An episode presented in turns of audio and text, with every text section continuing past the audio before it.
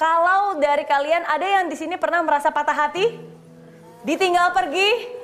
ya uh, merasa disia-siakan, ditinggal pergi tanpa alasan yang jelas, ya merasa sakit hati, kecewa. Ketika kita ditinggalkan, haruskah yang pergi itu kita perjuangkan atau justru harus kita relakan?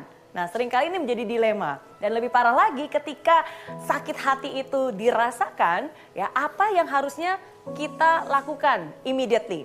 Tapi saya pengen bilang, oke, okay, yang namanya sedih, yang namanya kecewa, itu adalah sesuatu yang wajar. Namanya juga manusia. Um, yang pertama kali harus kita lakukan adalah, oke, okay, saya tulis dulu. Oke. Okay. Jadi hari ini ada tiga hal yang ingin saya bagikan. Apa yang harus kita lakukan ketika Anda merasa patah hati? Yang pertama adalah dengan, yang pertama apa?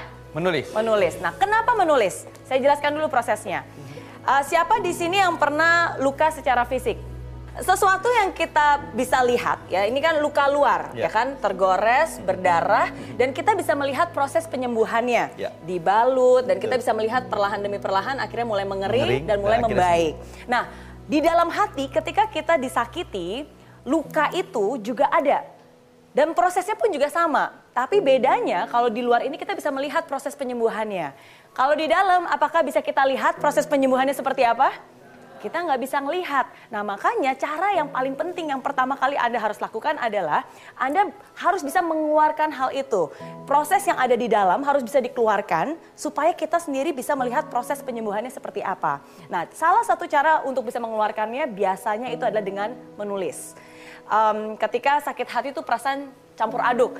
Um, di kita wah ada kesal juga, sedih juga, ada yang dipikirkan, ada yang dirasakan, belum lagi nostalgia ya yang lalu-lalu tiba-tiba muncul kembali, hal yang kecil-kecil bisa terulang kembali. Nah, itu adalah sesuatu yang wajar.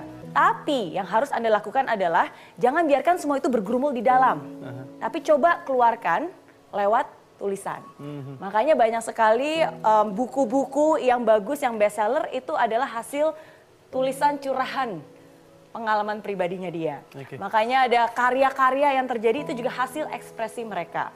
Uh, bisa bentuk tulisan, bisa juga berupa lukisan atau gambar. Okay. Ada yang berekspresi wah dengan sebuah coretan, ya. Ada juga yang bisa mengekspresikannya lewat uh, lagu, lewat karya lagu, lewat karya seni. Oke. Okay? Nah, intinya kenapa ini harus dikeluarkan?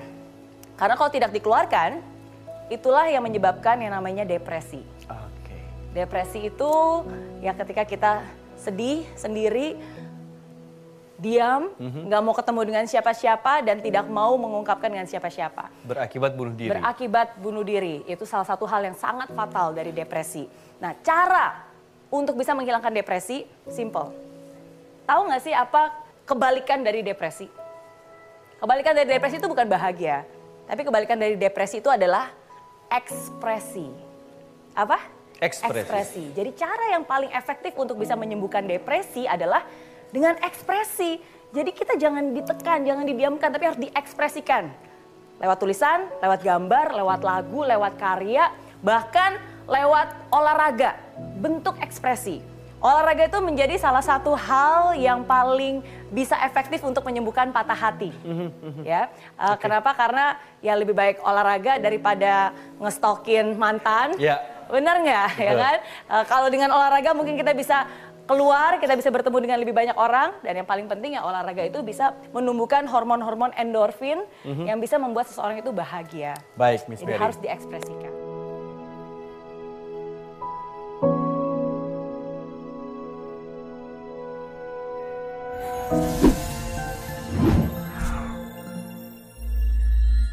Di aplikasi Mary Riana tersedia lengkap video-video YouTube terbaru saya, artikel yang up to date, post inspirasi, koleksi merchandise, workshop dan seminar yang bisa kamu dapatkan free dan download sekarang juga gratis.